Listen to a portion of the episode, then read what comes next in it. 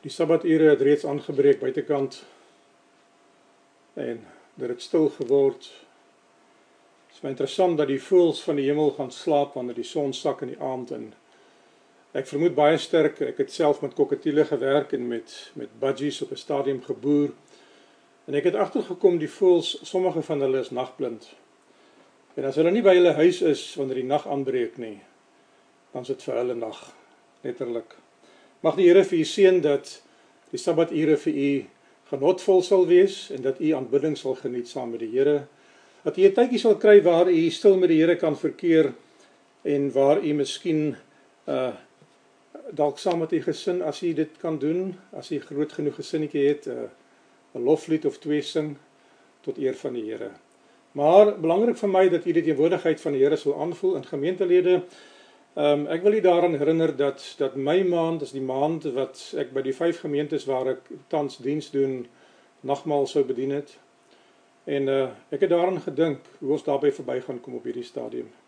Ek het nog nie sulke planne gemaak nie, maar wil u in die hart en in die lewe daardie voortmoediging hê om na Jesus te gaan en te sê Here, ek het nodig dat u my ook weer reinig en my skoon maak. En mag dit so wees dat as jy na die Here toe gaan met so 'n versoek dat die Here u in genade sal aanneem. Ek gaan u uitnooi dat u sal stil word terwyl ons reeds die Sabbature ingegaan het en die Here se teenwoordigheid vra en terwyl u glo ek miskien in die in, in die dagligtyd hierdie hierdie video sal besigtig dat u die gees van die Here ook sal aanvoel wanneer u dit doen. Kom ons bid saam. Dierbare koning Jesus, my gebed is dat u 'n wakende hand oor die kinders sal hou oor die lengte en die breedte van hierdie wêreld. Here ons is in 'n epidemie gedompel wat wêreldwyd is en daar is min mense wat dit nie voel nie.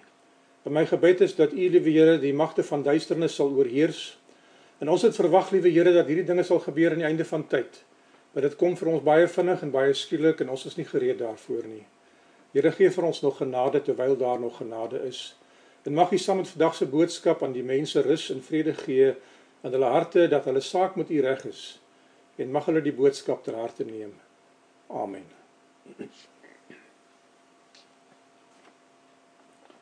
As jy wil kan jy saamblaai na die Evangelie van Markus hoofstuk 6 en ek gaan vir u lees van vers 30 af, uh, een of twee verse.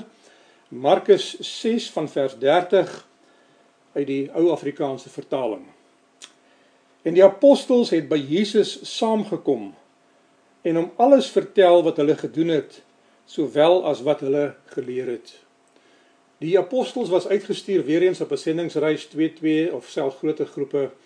En hulle kom terug en hulle vertel die verhale van die dinge wat met hulle gebeur het in hulle ontmoeting met mense. Dit sê en hy sê vir hulle: "Kom julle self in die eensaamheid na 'n verlate plek en rus 'n bietjie, want daar is baie wat kom en gaan en hulle het selfs geen te geskikte tyd gehad om te eet nie. Tot sover mag die Here hierdie gedeelte seën en u kan maar daar ook bly. Ons gaan die res van die verhaal ook uit uh die boek Markus uitneem. Ek gaan vir u nou die verwysings gee as u dit miskien wil neerskryf so lank dat u daardie die die naslaanwerk kan doen wanneer ons daarby kom.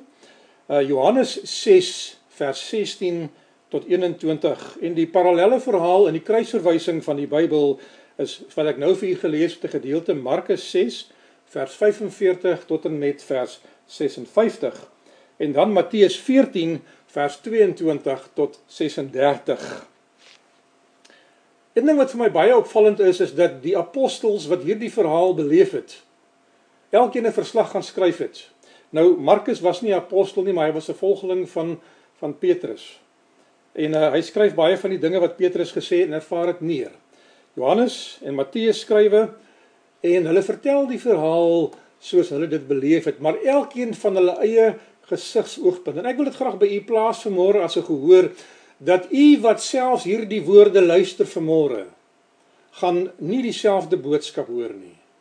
U gaan uit u lewenservaring uit hierdie boodskap interpreteer en die Heilige Gees gaan gedagtes vir u gee wat gaan maak dat hierdie boodskap besonder is vir elkeen van u.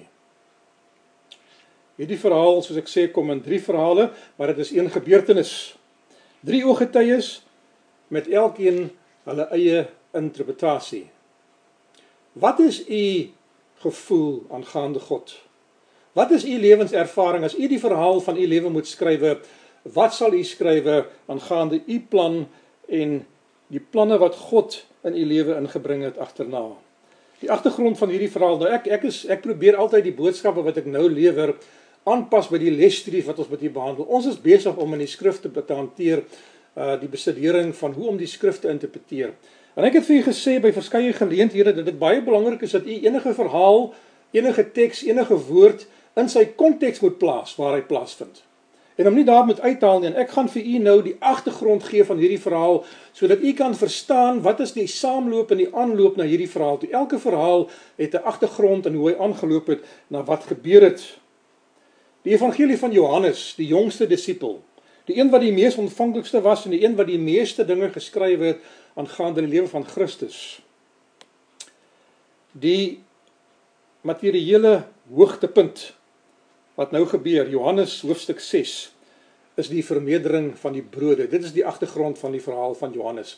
Jesus terwyl hy op 'n plek was waar daar nie gewone uh uh winkels en goed rondom was nie, het hy die brood vermeerder, die eerste vermeerdering van die brode. Die simpatie van Jesus oor die skare mense waar hy vir hulle gevra het en en sê het hierdie mense het nie kos nie. Hulle sê vir die Here stuur hulle huis toe. Die Here sê vir hulle gee julle vir hulle iets om te eet. uh, Baie goed, 'n uh, uh, interessante lewensverhaal. Die toets van die disippels. Uh hy gee om. Hy gee om vir mense. Jesus besef van die behoefte wat hulle het en uh hulle sien in hom die Messias. So hulle het vertroue in hom geplaas. En hy wil graag daardie vertroue wat hulle in hom geplaas het, nie skade aan doen nie. Maar hierdie verhaal het 'n toets vir Jesus, 'n toets vir die disippels en 'n toets vir die mense wat saamgekom het. Die teologie wat die mense geglo het in daardie tyd. Wat is die behoeftes van mense? En ek wil vir u vra, u moet maar deurlopend deur hierdie hierdie diskussie vir jouself sê, wat is toepasbaar in my lewe van wat nou na my gekom het? Die behoefte van mense, wat is u behoefte vanaand? Wat is u behoefte môreoggend wanneer u hierdie boodskap gaan kyk? Dit is nou wanneer u dit gaan besigtig in in in realiteit. 'n Geestelike honger. Die waarheid en die dwaalleer het langs mekaar gelê en daardie tyd was daar ook dwaalinge gewees. En daar was dinge gepredik wat nie in lyn was met die dinge van God se koninkryk nie. En Jesus het gedurig deur dwaalleer, valse vertolkings van die skrif uitgelê in sy diskursies en die mense het daarvan gehou. Die Bybel sê hulle het gekom na die berge toe, hulle het gekom na die vlakte toe, na die see toe, na die Jordaanrivier toe om te luister na Jesus se boodskap. Het jy iets wat u vir mense kan meedeel wat vir hulle vars is en lewe gee en wat nie dieselfde is as die gewone nie? Die oorlewering van mense, die tradisies, uh die seminare wat hulle gelewer het, die fariseërs, die sadiseërs, die herodiane, uh en die skrifgeleerdes wat nou in albei van daardie politieke godsdienstige partye behoort het.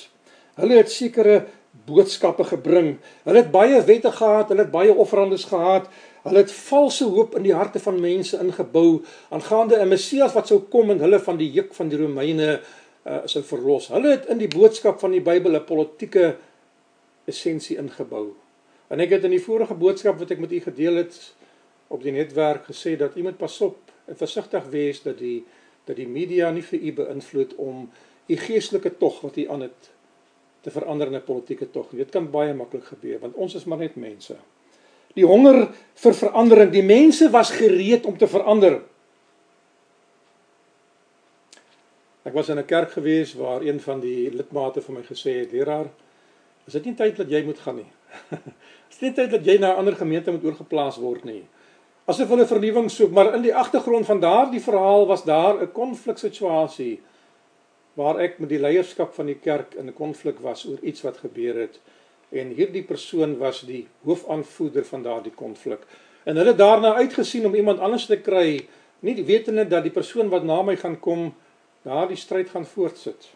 Want dit was 'n saak wat in die oë van die kerk reg was nie. Opoffering van tyd, gemak uh, uh, hierdie mense moes moes opoffer om by Jesus te kom. Hulle het oor die meer gevaar sommige van hulle. Hulle het onthou hierdie was 'n verlate plek gewees. Hy gaan met die disippels uit na 'n plek toe waar hy verlate kan wees, waar hulle kan rus en die mense ontdek hulle daar. Dis 'n heidense gebied, dis nie 'n gebied van Israel nie. En die woord het gegaan na die mense toe. Het gevra, "Waar is hy? Waar het julle hom laas gesien? Watter rigting het hy gegaan?" Hulle het gesien hoe hy oor die meer vaar, het geweet as hy soontoe vaar, dan's daar net een plek waar hy kan wees. En baie mense, die die boekie koning van die eeue sê, het op die land om die meer geloop na hom toe en ander het oor die see gevaar met skuite om by hom aan te sluit. So hulle het opgeoffer. Hulle het daar gekom vir die hele dag en langer in hierdie verhaal. Opoffering van tyd, opoffering van gemak om Jesus te hoor. Hulle moes nie in sagte stoele sit soos baie van u nou sit nie, maar hulle het op die gras, op die klippe en langs die meer gesit om te luister na Jesus. Jesus gee hulle brood fisies en hy gee hulle brood geestelik. Die Here het nooit aan mense fisiese dinge verskaf sonder om 'n geestelike les of 'n geestelike seën agter te los nie. Hy het nooit mense genees sonder om verlossing te bring nie. Die twee het altyd hand aan hand gegaan. Sommige kon uh uh, uh die brood en die visse wat geha wat hulle gehad het, het hulle gebruik om hulle self mee te voed. Daar was 'n opgewondenheid onder die skare gewees tydens hierdie uitdeel van die brood. Johannes die Doper is in Matteus hoofstuk 14 on, onlangs doodgemaak. En net toe hierdie disippels terugkom van hulle sendingreis af en die Here vir hulle sê kom ons gaan so 'n bietjie uit na die na 'n verlate plek toe waar ons kan rus sodat ons nie die gedrang van mense om ons kan hê nie sodat ons kan oorpyns die dinge wat jy beleef het maar ook om te reflekteer oor die dood van Johannes. Hulle het seker in hulle gedagtes vrae gevra, is dit ons lot? Gaan ons ook soos Johannes die Doper onthou word binnekort as ons hierdie pad saam met Jesus na 'n lang tronkstraf deurgegaan het. Jesus het sy preek begin en hierdie mense is vasgevang in sy boodskap. Die werkersklas was klaar gewees. Matteus 4 vers 12 en Markus 1 vers 14 sê vir ons dat hierdie uh dinge het was in die agtergrond gewees. En toe Jesus in Galilea begin preek, het Johannes vertrek na ander gebied toe. En ek dis ek gee vir julle so 'n bietjie agtergrond. Johannes het gesê hy moet meer word ek moet minder word. En Johannes gee pad van die toneel af sodat Jesus sy werk kan doen. Maar omdat hy pad gegee het, beland hy in 'n gebied van Herodes. En die lewe van Herodes het hom in konflik met Johannes die Doper gebring, want Johannes was 'n man wat die waarheid reguit gesny het. En dit was nie baie lank nie of die berig het by die koning gekom dat hierdie man preek teen jou. En jy ken die verhaal hoe hy in die gevangenis geplaas was, maar die koning Herodes het versigtig gewees oor hoe Johannes hanteer. Dit was die slinkste plan van Satan deur sy vrou wat gemaak het dat Johannes gesterwe het. Ja. Is u iemand wat in u bediening in u werksplek as iemand anderster vooruitstrewe in hulle pad sal gaan staan of hulle toesal laat om aan te gaan met hulle loopbaan? Die gees van patriotisme was in hierdie mense, die vaderlandsliefde, hulle kultuur, hulle taal, hulle godsdiens uh was die dinge wat in hulle gedagtes was, soos wat in u gedagtes miskien soortgelyke dinge op die oomblik gebeur. Ek kan nie help om te reflekteer daarop dat ek hierdie week weer gedink het oor wat met hierdie land van ons aangaan nie. En ek gaan nie politiek met u praat nie. My burgerskap is in die hemel. Maar ek is bewus van wat op aarde aangaan want dit raak my, dit raak my mense, dit raak die kerk met dit mate. Dit raak my familie, dit raak my vriende, dit raak u. Geliefdes, moenie dat Satan u gedagtes in 'n verkeerde koers nou aan die einde van die stryd plaas nie. U gedagtes moet wees by die dinge van die ewigheid terwyl u nog steeds voorsorg maak vir die dinge wat nou op u gebeur. Wees gereed vir hierdie dinge. Die volk was gereed vir politieke uh, verandering. Hulle was gereed vir godsdienstige verandering. Voel u dat iets moet gebeur? Is u op die rand? Uh, ek ek het hierdie ek het hierdie week en, en ek gaan dit maar weer sê want ek gaan dit dit gaan maar jy weet 'n mens 'n mens deel met mense wat in jou gedagtes is. Wanneer ek soms bid, vind ek myself ek bid oor dinge wat ek nie in die dag aan dink nie, maar dit moet in my onderbewussyn wees want ek dink daaroor na. En ek het vir myself gesê laasnag het ek weer vir rukkie gelê voor ek gaan werk het en ek sê vir die Here uh, die Afrikaner volk soek net 'n leier. As hulle 'n leier kry, sal hulle agter hom aanstap in die politiek. Want hulle is reg daarvoor. Is u gereed om in godsdiens 'n verandering te maak? soek jy net 'n leier of soek jy net 'n leidraad of 'n rigting waarin jy kan werk. Die volk was gereed vir al hierdie dinge gewees. Hulle reg, hulle was reg om 'n leier op die troon te plaas. Solank dit teen die Romeine gemik was. Godsdienstig, polities, kultureel was hulle gereed. Ek wil vir julle sê ons is daar. En en iemand hierdie verhaal ter harte neem vanmôre want hier is iets vir een. Die evangelie van Markus. Ek gaan so uittrek sal ek elke evangelie uitneem en dan gaan ek na die verhaal toe gaan. Gaan met my saam, dis nodig dat ek die agtergrond vir u skets. As ek nie die agtergrond skets nie, gaan u nie verstaan wat is die impak van hierdie verhaal nie. Die evangelie van Markus, hoofstuk 6. Jesus preek in Nasaret in sy tuisdorp, net voor dit. Ek onthou die eerste keer toe ek in my tuisdorp gaan preek het nadat ek afgestudeer het. Uh 'n mens voel nogal iets as jy by jou eie mense in jou eie familie in die kerk is. Jesus is in sy eie tuisdorp in Nasaret waar hy groot geword het. Hy sê al die regte dinge en die volk sit aan sy voete in die sinagoge.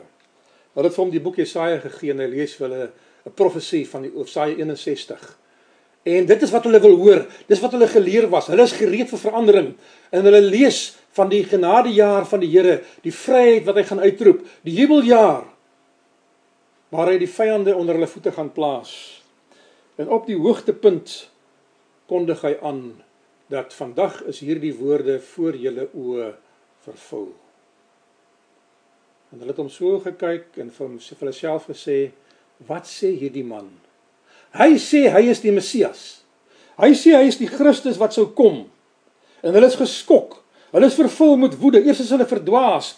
En die Bybel sê eenvoudig dat hulle het hom gevat en hom na buite gevat en hom in die skare meegevoer teen sy sin as mens om hom by die kraans af te gooi.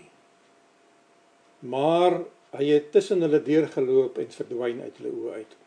Ek wonder of dieselfde gebeur het wat in die tyd van Lot gebeur het toe die engele daardie mense met blindheid getref het dat hulle die ingang van die huis van Lot nie kon vind toe hulle hom kwaad aandoen nie.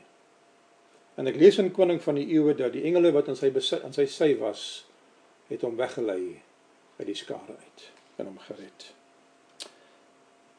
So in Markus het die volk van sy tuisdorp hom verwerp as die Messias as die seun van God. Die reaksie van mense, drie groepe. Mense reageer verkeerd op Jesus se boodskappe omdat elkeen sy eie droom wil uitlewe. Is daar miskien 'n situasie waar u 'n boodskap luister omdat u iets wil hoor? Of is u gewillig om die pad wat die Here vir u aantoon in die Bybel te volg en as die Bybel wegdraai, saam met hom te draai en om te volg waar hy gaan? Of wil u hê hy moet uitkom waar u wil hy moet uitkom? Wil u hê hy moet uitkom waar u bid hy moet uitkom? Drie soorte mense wat luister. Daar's die gewone mense, die middelklas, die arbeiders, die mense wat nie in leksheid lewe nie, die mense wat van dag tot dag hulle brood verdien en wat nie in die bankgoed is opgegaar het nie. Onbetrokke by die kompetisie van die kerkleiers. As die kerkleiers op die straat ook staan en stry, is hulle nie betrokke nie. Hulle staan net stom en gadeslaan, maar hulle is nie betrokke daarbey nie. Uh hulle is nie baie betrokke by die politiek nie behalwe dat hulle wil vry wees. Hulle wil vry wees om te doen wat hulle as mense die beste kan doen. Uh geestelik is hulle oningelig. Hulle ken regtig die dinge van die koninkryk van God nie. En daarom is die woorde van Jesus so vir hulle verfrissend, want vir jare aan een het die fariseërs vir hulle boodskappe gepreek wat leweloos was, wat kragteloos was, wat nie deur God se vlam aan die brand gesteek was nie en hulle het aan die lippe van Jesus gehang. In die Bybel merk in verskeie van die tekste van die Nuwe Testament op dat die leer van Jesus was anderster as die leer van die Fariseërs. En dit was sodanig dat die mense agtergekom het dat dit so is.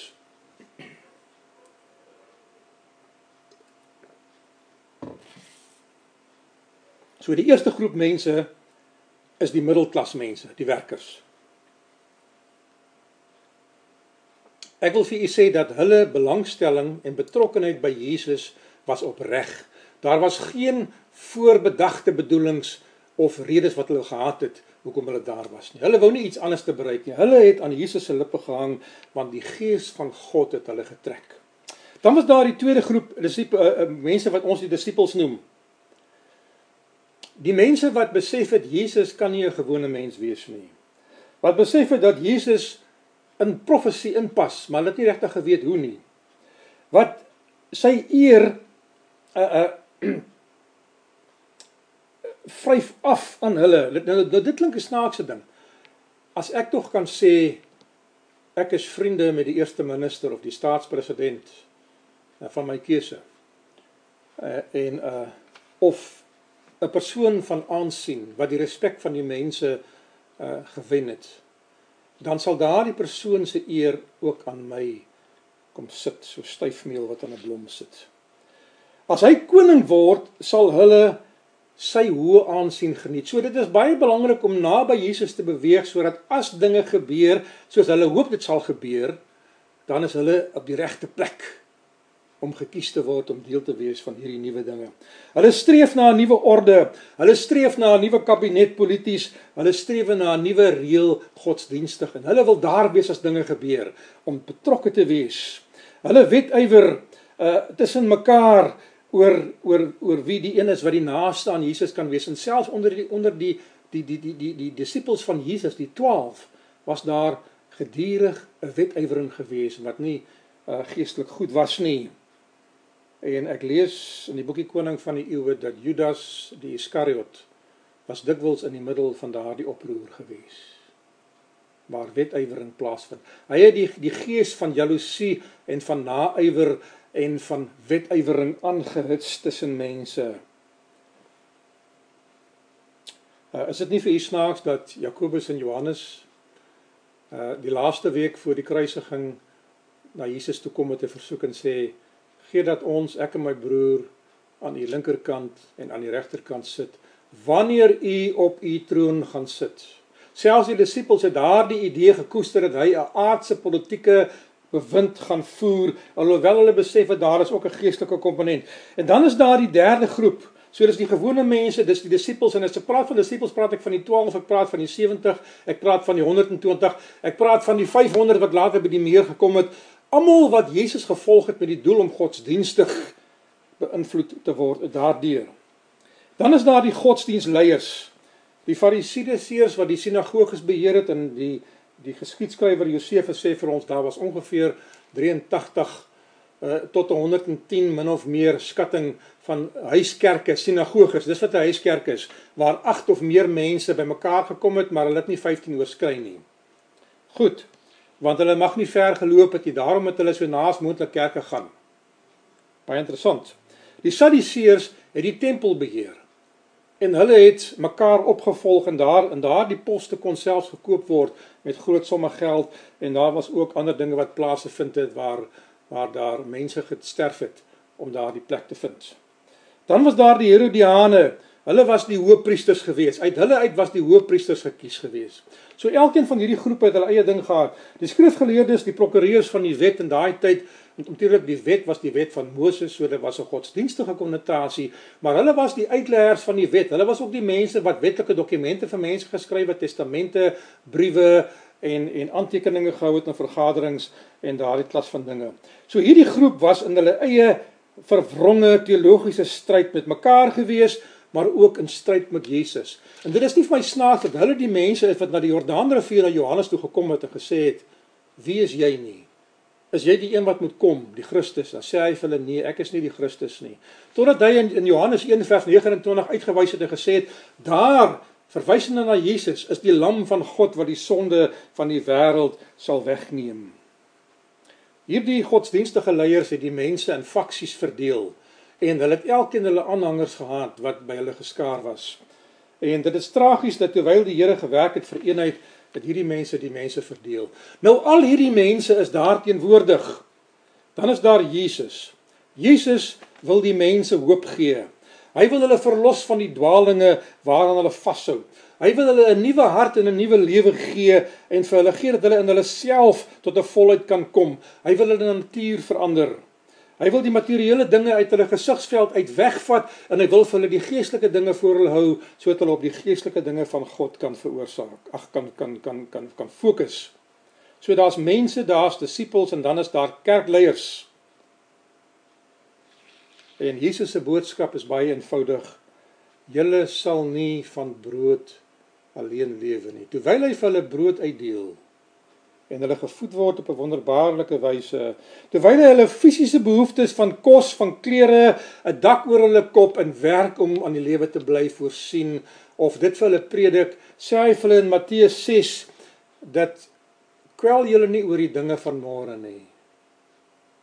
Moenie bekommerd wees oor jou kos, oor jou klere, oor jou dak nie. Dit is nie die belangrikste nie. Die belangrikste is soek eers die koninkryk van God en sy geregtigheid en al hierdie dinge sal vir julle bygevoeg word. En hy gee vir hulle 'n model gebed waar hy vir hulle sê, so moet julle bid. Onse Vader wat in die hemel is. En dan gaan hy voor, dan sê hy, gee ons vandag wat ons daaglikse brood Nie môre nie, nie volgende week nie, nie vir 'n jaar nie, vandag, eendag op 'n keer. En die volgende boodskap van Jesus wat baie kenmerkend is, hy sê ek is die brood van die lewe. Die Messias in 'n uh, Johannes hoofstuk 6 en 7 daar by Kapernaum het hy ook vir hulle gesê julle moet my liggaam eet, julle moet my bloed drink. Hy het hy het wat ons by die nagmaal doen, het hy vir hulle vertel en hulle dit letterlik opgeneem en hom verag daaroor. Hierdie mense moes fisies onderhou word. Hy wou hulle siele red in sy koninkryk. Die geestelike leiers, hulle hou hom dop om te kyk wat hy maak. Hulle het spioene uitgestuur om die reaksie van mense te toets en die reaksie van Jesus. Hulle soek 'n geleentheid teenoor hom en hulle sê vir hulle self, ons kan hom nie by die fees doodmaak nie. En nou het tyd al verloop. Hulle hou nie baie van Jesus se boodskappe nie. Het u al boodskappe geluister wat u nie van gehou het nie? Ek is seker daar moet sulke dinge wees. Ons hou nie van al die boodskappe wat na ons toe kom nie. Wat is die reaksie van die disippels? Hulle is hoog ontevrede. Die disippels, as 'n koning van die eeue reg verstaan met 'n kommentaar op die verhaal van die gelykenisse van Jesus, sowel as die lewe van Jesus is, is baie interessant. Onder hulle self het hulle 'n eie komplot gehad. Terwyl hulle die brood wat vermeerder was deur Jesus uitgedeel het. Die Bybel sê dit nie, maar die woord die koning van die eeue impliseer dit. Het hulle onder die mense 'n gerug begin versprei wat ek net kan dink by een persoon kon begin het, naamlik Judas, wat die Here wou dwing op die troon te kom sodat hy die eer daarvoor kan kry. Dat miskien is die tyd reg om Jesus op die troon van Dawid te sit. Ek het net nou vir julle gesê ek glo my volk soek net 'n leier. Dan sal hulle hom volg. Ek hoop nie dat hierdie land daai pad sal gaan nie. Want ek wil nie voordat die Here kom nog deur 'n burgeroorlog ook gaan nie. Ek is nie 'n profeet nie. Maar ek dink ons gaan dalk nog dinge sien wat vir ons baie benoudheid gaan veroorsaak. Hulle wil Jesus koning maak en die mense sal volg. As Jesus net 'n aanduiding wil gee dat dit die rigting is waarin hy gaan. Hulle wil dit met geweld doen en hulle het hierdie mense begin opsweep, maar hulle was nie bewus daarvan dat terwyl hulle hulle werk doen om die brood uit te deel en hierdie gerugte versprei onder die mense dat Jesus kennis neem van wat daar gebeur nie. Geliefdes, daar is niks in hierdie wêreld wat die koninkryk van God aangaan wat Jesus nie van weet nie. Hy weet van waar u is, hy weet van waar u familie is. Hy weet waar elkeen is en wat elkeen doen. Die mense is opgewonde oor die brood. Die mense is opgewonde oor die nuus dat daar 'n moontlike politieke verandering kan wees. Die mense is gereed om op te tree. Ek lees in die boekie Groot Stryd tragiese verhaal dat dat diensmag van die Here skryf en sê as God op die punt staan om iets groot of 'n groot werk vir sy koninkryk te verrig, dan ooreed die Satan altyd iemand om dit teen te staan. Ek het al van tevore vir u gesê in boodskappe dat baie van die weerstand wat ek ervaar in die wêreld is nie van buite nie, maar van binne die kerk, van kerkleiers, van lidmate, van individue. Nie almal nie. Het die Here 'n plan vir hierdie tyd vir ons land? En is die Satan besig om elemente in mense in te stoot wat nou sekere gedagtes in die harte en in die verstand van mense indruk wat hulle gereed maak om te reageer op daardie situasie. En is die werk wat dan op daardie wyse gedoen word die werk van God? Ek het vir julle vroeër vir die vorige bid hier gesê moenie uitlatings op Facebook skryf nie. Op YouTube dinge sit wat u nie moet sit nie. Geliefdes, hierdie dinge gaan vir u inhaal as jy gaan betrokke raak by die politiek van die wêreld. Daar is 'n rede waarom die kerk vir u leer moenie by die politiek van die wêreld betrokke raak nie, want hulle is onder 'n groter mag. Die tyd was verkeerd. Dit was te vroeg in Jesus se bediening. As Jesus nou 'n oproer toegelaat het waar die Romeine kon rede kry om hom in sy werk te kniehalter, sou sy werk skade ly. Hy het 3 en 'n half jaar gehad want die profetiese oorlosie van Daniël 9 het gesê op 'n bepaalde tyd moet hy gekruisig word en hy kan nie daai tyd verbygaan omdat sy werk nie klaar is nie. Sy werk moes klaar gewees het. Toe die profetiese oorlosie die tyd aandui en om nou 'n opgewondenheid onder die mense te veroorsaak wat sy werk kan skade doen onder die owerhede veral sou verkeerd wees. Ek het eendag met 'n bid hier vir u gesê dat ons verwag baie dinge gaan gebeur aan die einde van tyd in die politiek van die wêreld. U moet nie die argwaan van die owerhede op jouself bring nie. Moenie die tyd wat u het in vryheid verkort deur moeilikheid te soek met die owerhede nie.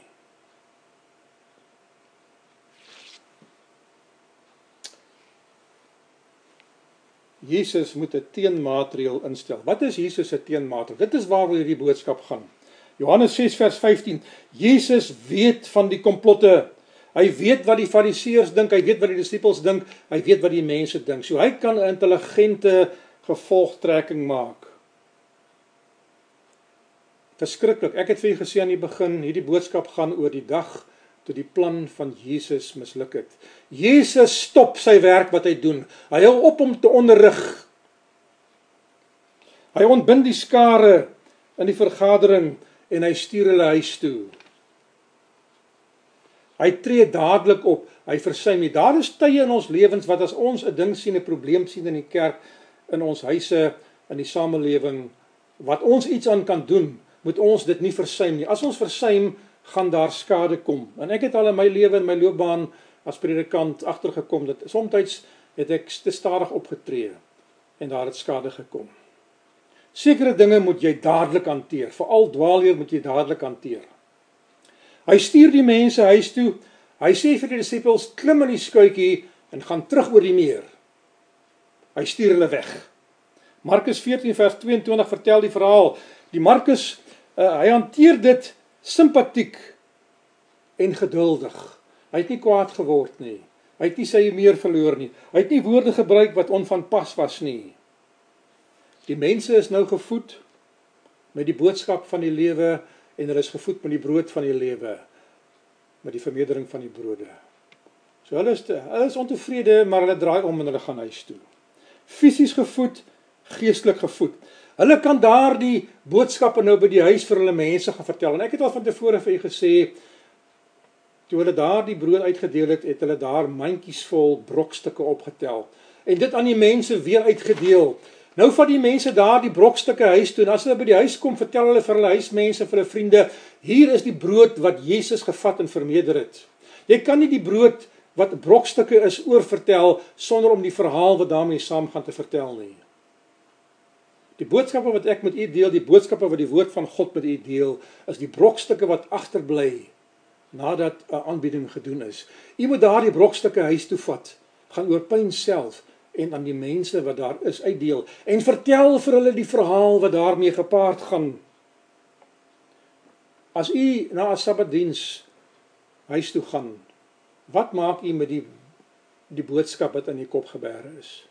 Begin hier by die tafel praat oor ander dinge van die wêreld sodat die boodskap die Bybel sê in die verhaal van die van die saaier die kraaie het gekom en die in die saad opgepik. Dit is wat mense gebeur as daar saad gesaai is en daar is 'n indruk op mense harte gemaak en mense het by die kerke besluit gemaak. Nou gaan hulle huis toe, nou oordink hulle nou begin hulle met die dinge van die wêreld betrokke raak en hierdie boodskap gaan uit hulle harte uit weg. Ek bid altyd die Here dat die Here my gedagtes en my hart sal verseël nadat ek gestudeer het, sodat daai dinge nie moet verdwyn nie. Geliefdes, as u klaar na 'n geestelike boodskap geluister het en die Heilige Gees het u beïndruk, gaan oorpyns oor daardie dinge, gaan vat 'n stuk papier en skryf dit neer dat dit vir u betekenisvol kan wees. U moet die Heilige Gees toelaat om die materiaal te verwerk. U moet u moet eendag 'n boodskap vat en hom ontleed. En kyk as u met 'n pen en papier sit en skryf, hoeveel gedagtes skry u terwyl u luister na 'n boodskap. Daar is duisende boodskappe wat die Heilige Gees instuur in ons gedagtes en vir elke mens is dit nie dieselfde nie. Ons verskil van mens tot mens. As u 'n boodskap 'n tweede keer luister, gaan u 'n ander boodskap hoor. Ek doen dit dikwels. As u hom 'n derde keer luister of kyk of self lees, dan gaan u 'n nuwe boodskap kry waar nuwe gedagtes na u toe gaan kom wat u nie van tevore gehoor het nie.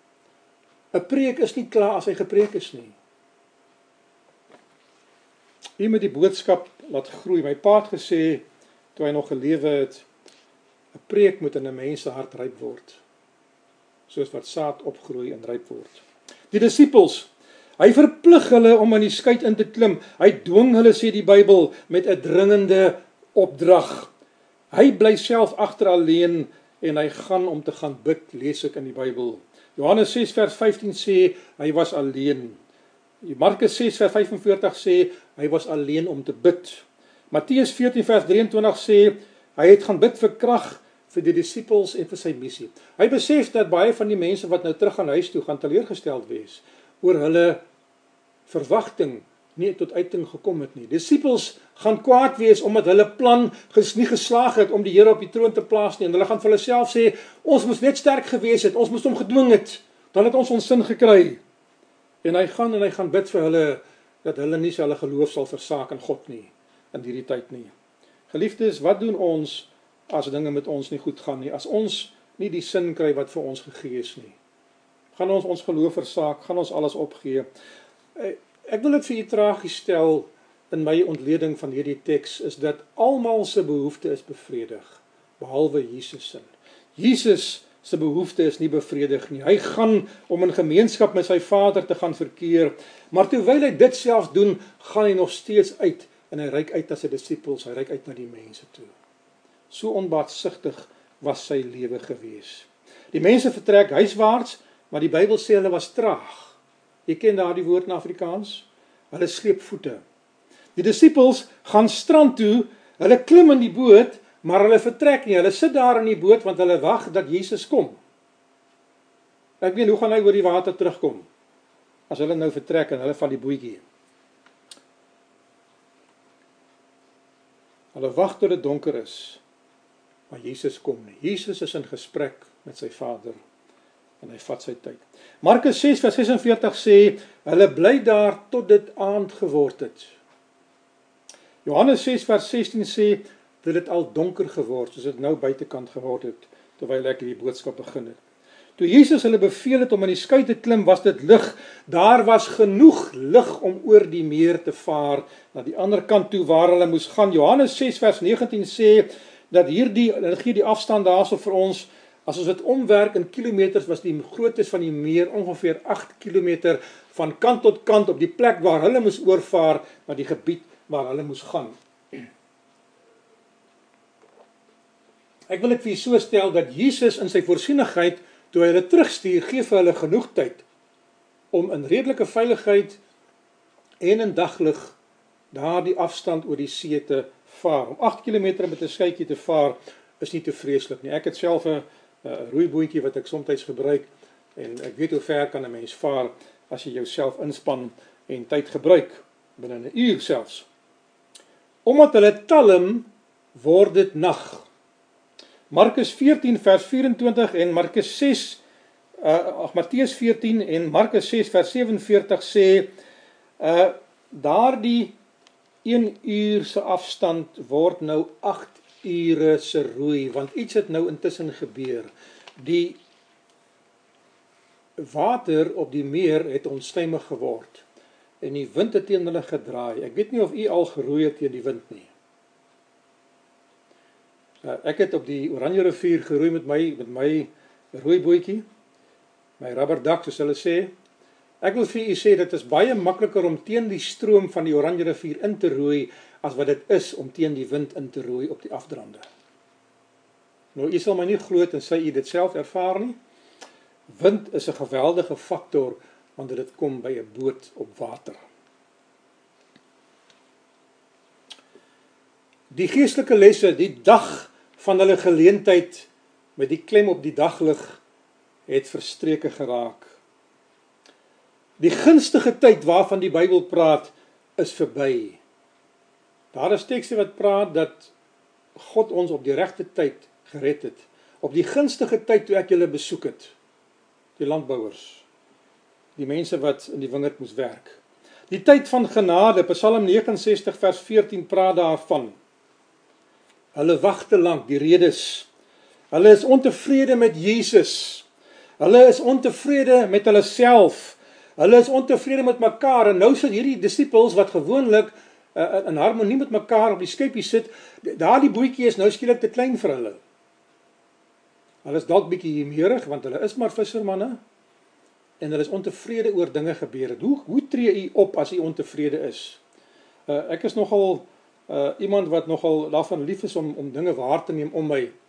Ek het agtergekom as ek hastig is of ongeduldig is dat die honde pad gee. Gewoonlik is hulle onder jou voete die hele tyd, maar die oomblik as hulle agterkom, jou gesindheid verander, dan gee pad hulle. Maar dit tel dit op. Hulle weet daar kom moeilikheid. Drie dinge. Die omstandighede, die gebeure van die dag maak hulle ontevrede. Hulle is ontevrede oor die verloop van hoe dinge gebeur het. Hulle gemoedstoestand is nou onstuimig soos wat die water om hulle onstuimig gestoor het uiteindelik begin gaan. En die natuur, die see, in die water, die donkerte, alles dra by om dit nog erger te maak. En nou moet hulle roei om oor die see te kom. En hulle het nie baie ver gevorder nie. Die Bybel gee die nagwake aan. Dinge loop verkeerd. Johannes 6 vers 18 sê die wind draai teen hulle. Die see word onstuimig. Hulle sukkel om rigting te behou. Met ander woorde, hulle gaan links en hulle gaan regs. Hulle gaan vorentoe en hulle gaan agtertoe in die golwe. En hulle vordering is nie baie voorspoedig vorentoe nie. Nou is daar nog duinings ook. Ek weet nie of u al in 'n duining van die see geswem het nie. Dit is baie moeilik. Uh twee rooi vorentoe, drie rooi agtertoe. Partykeer in 'n kring. Die afstand. Hulle is maar in die middel van die see. Vandat die son gesak het tot die 4de nagwaak toe, vorder hulle tot in die middel van die see. Met ander woorde ongeveer 4 km. Dit is verskriklik. Uh Matteus 14 vers 24, Markus 6 vers 47 sê dat hulle het halfpad gevorder. Die 4de nagwaak tussen 4 uur en 6 uur die oggend, die tyd 8 ure het verloop sedert hulle begin oorvaar het in die donker in die nag. Want dit het 6 uur donker geword. Disippels wat is nou in hulle gemoedstoestand? Hulle is nou in 'n stormsee en hulle is besig om te veg vir hulle lewe. Het jy gedink dat hulle enigsins gedink het aan die brood van die dag, die vermeerdering, die wonderwerk? Was dit in hulle gedagtes gewees? Ek glo nie. Hulle was vergete. Was hulle besig om te dink dat dit neer oor Jesus se mislukte koningskap waar hulle op die troon wou plaas? Ek glo nie. Hulle spook om kop bo water te hou, letterlik. Die stryd van die natuur veg nou alles in hulle krag en hulle verstand en hulle werk nou vir die eerste keer saam om hierdie skuitjie bo op die water te hou. Die boekie koning van die eeue gee die gedagte dat Jesus staan bo op die berg, die heuwel en hy kyk af met sy geestesoog en hy sien hulle. Die seun van God in sy godheid hou hulle dop. Hulle is vir hom baie kosbaar. Hulle sal nie verlore gaan nie, maar hy los hulle hy los hulle. Hy het dit so beplan. Ek wil hierdie boodskap in 'n ander rigting draai. Toe die disippels nie besig was met wat hulle besig mee moes wees nie, maar ander dinge gekoester en gedink het wat teenstrydig met die plan van God was, gee God hulle iets om te doen om hulle aandag af te trek van die verkeerde dinge waarmee hulle besig is. Hulle wil hom koning maak.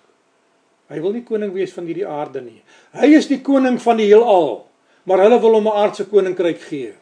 Beperk tot Judea. Nie eers die wêreld nie.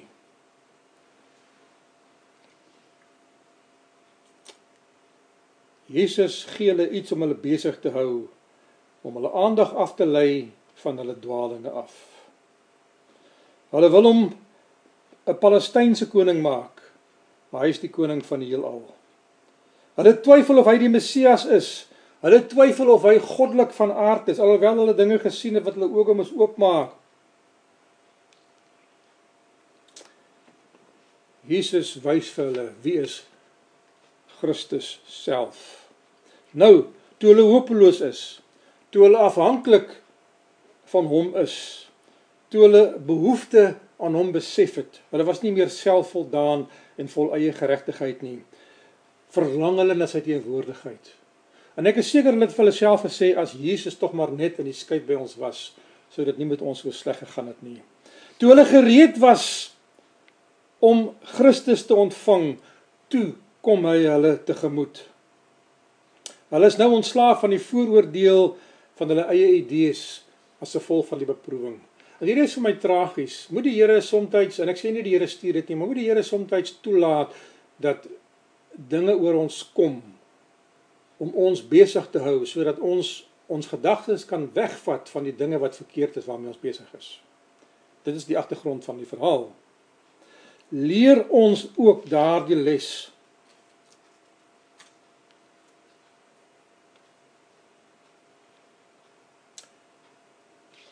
Jesus kom na hulle toe. Nie met 'n bootjie nie. Die Bybel sê eenvoudig Matteus 14 vers 26 Hulle sien hom op die water loop en hulle skreeu van vrees, groot manne. Markus 6 vers 49 sê hulle het hard geskree. Johannes 6 vers 19 sê hulle was bang geweest en Jesus maak of hy verby gaan stap. Hy gaan hulle daar los, Markus 6 vers 48. Nou sê hy vir hulle moenie bang wees nie.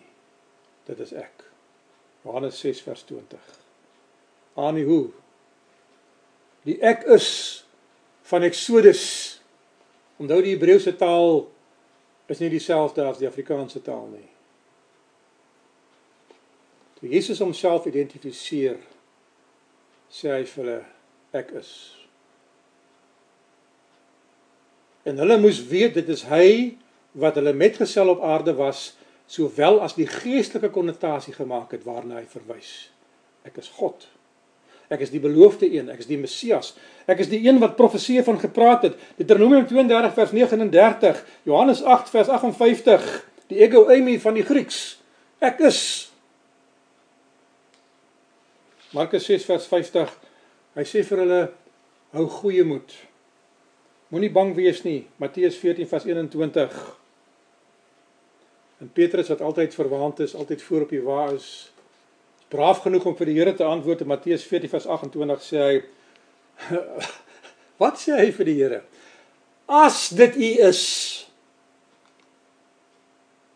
As dit U is beveel my om op die water na U toe te kom.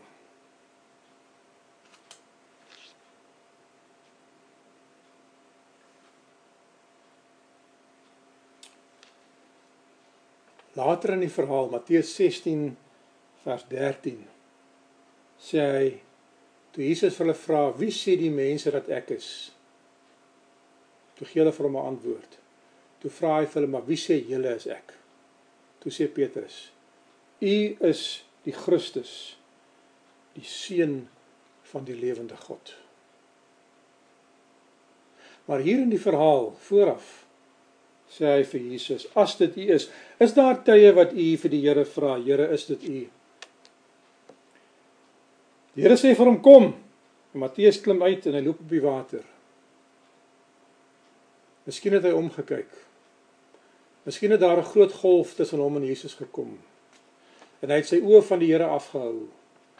En toe hy sy oë van die Here afhou of afhaal, het sy geloof versak en hy begin sink. En terwyl Petrus in Johannes 21 vers 7 sê vir ons hy kon swem, Maar hier was 'n stormsee gewees en hy het besef hy gaan sterf. En hy sê: "Here, wat het hy gesê? Help my. Gryp my. Red my." En hierdie boodskap het vir my 'n geestelike sowel as 'n fisiese komponent. Here, red my van myself. Red my van my ongeloof. Johannes 6:21 sê: "Nou is hulle gewillig om hom in die boot toe te laat. Markus 6:52 sê die wind het dadelik gaan lê. Vers 51 sê hulle was verbaas gewees. Vers 52 sê hulle verstaan dit nie. Nie die wonderwerk van die brood nie want hulle harte was verhard gewees. Hoe tragies. Dat na alles wat gebeur het, verstaan hulle nog steeds nie. Hulle was nog nie gereed vir die lesse wat die Here vir hulle lewe nie. Die dag se preek was verlore vir hulle gewees. Geliefdes, die lesse uit hierdie boodskap vir my is eenvoudig. Daar is hoogtepunte en daar is laagtepunte wat mekaar uitkanselleer in ons lewens. Soos in die verhaal van Jesus was daar dinge wat gebeur het wat goed was en daar was dinge wat gebeur het wat sleg was in die agtergrond in die aanloop van hierdie verhaal. In ons uh uh My my vraag is is ons in lyn met God se wil? Is ons nie dalk besig om iets te leer of te glo of te verkondig wat teenstrydig is met die planne van God en teenstrydig is met Bybelprofeseë nie. Dis waarom ek vir u vra voordat u oor hierdie dinge wat nou gebeur in die wêreld uitlatings maak, maak seker dat u reg is. Dat u boodskap in lyn met God se plan is. Wat wil die Here hê moet u doen in hierdie tyd wat dinge gebeur soos dit nou gebeur? Daar is 'n plan. En ek gaan dit met u deel. Is ons besig met 'n komplot in die kerk? in die samelewing, in ons huis miskien. Waarvan ons eggenote of ons kinders nie weet nie. Dat ons dink God nie van weet nie. Geliefdes, as u besig is met 'n komplot, die Here weet daarvan. En alles dit edel, al dink jy dit gaan goeie gevolge hê, as dit nie in plan is met God se werk en sy koninkryk se beginsels nie, gaan dit misluk. Die Here sal dit laat misluk. Miskien sal die Here vir ons as ons daarmee besig is, iets gee om ons besig te hou sodat daardie gedagtes wat verkeerd is genesing kan vind. Oop deure moet toegemaak word en toe deure moet oopgemaak word. Is ons in 'n stryd? Is ons moeg geswoeg? Is ons by die plek waar ons kan opgee? Waar ons net kan sê Here help my. Dit is nog steeds nie te laat nie. Na ons alles beleef het, glo ons nog steeds nie sien u die hand van die Here in die dinge wat nou gebeur in die wêreld? sien u dat Bybelprofesie in vervulling gaan? Miskien moet u vir die Here vra soos ek vir hom vra. Maak my oë geestelik oop om te sien wat is u plan vir my lewe nou? Nie volgende week en volgende jaar nie. Nou, vandag. Is ek besig om teen God te werk of is my lewe, my boodskappe in lyn met God se plan? God sal bewyse gee as dit nodig is vir ons.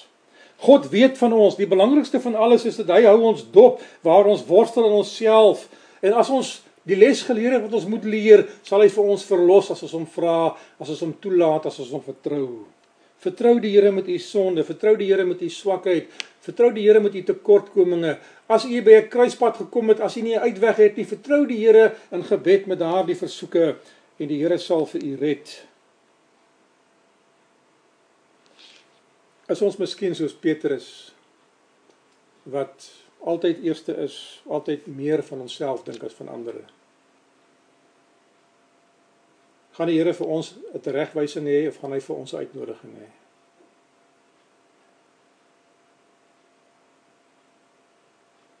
As dit paslik is, daar waar jy is, sê vir die Here: Here, beveel my om in geloof op die water na U toe te kom. En as die Here u moet red in die proses, dan maak dit nie saak nie. Solank u in sy hande is en in sy hande bly. Geliefdes, mag die Here vir u seën dat u in hierdie tyd nie moedeloos sal word nie. Dat u die planne wat u maak vir die toekoms in die hande van die Here sal plaas in gebed voordat u dit tot uitvoer probeer bring. En as u op die lewenspad agterkom dat die planne wat u gemaak het in stryd is met God se planne, vra hom genade en wysheid oor hoe om dit te verander en ek glo die Here sal vir u krag en genade gee. Die Here sal mense rondom u in staat stel om saam met u te werk om u planne tot uitvoer te bring. Mag die Here vir u seën. Ek gaan nie vra dat ons nou weer sal afsluit met gebed terwyl ons hierdie diens beëindig. Dierbare koning Jesus, my gebed is dat u wat weet van alles met elkeen sal wees. Here, u wat die versigtings van die hart van die mens ken en die gedagtes van die mens ken sal U in ons harte inkyk en wanneer ons U vra, ons help om ons gedagtes terug na die dinge van God en van die ewigheid. Here, maak ons nie aan hierdie wêreld vas nie, maar maak ons van hierdie wêreld los, sodat ons nie sal wil agterbly wanneer U U kinders kom haal nie. Here, as daar mense is wat in hierdie tyd deur erger dinge gaan, wil U vir hulle 'n hulp wees en 'n God wees en 'n redder wees. En seën ons. Beskerm ons. Lei ons. Mag nou die genade van ons Here Jesus Christus en die liefde van God die Vader en die soet gemeenskap van die Heilige Gees met u wesend bly van nou tot in alle ewigheid. Amen. Geliefdes, mag die Here vir u seën. Ons gaan met u kontak hou soos ons gewoonlik maar maak en, en miskien gaan dinge vorentoe verander. Maar tot dan wil ek u vra by u pleit bly getrou. God sal u deursien. Amen.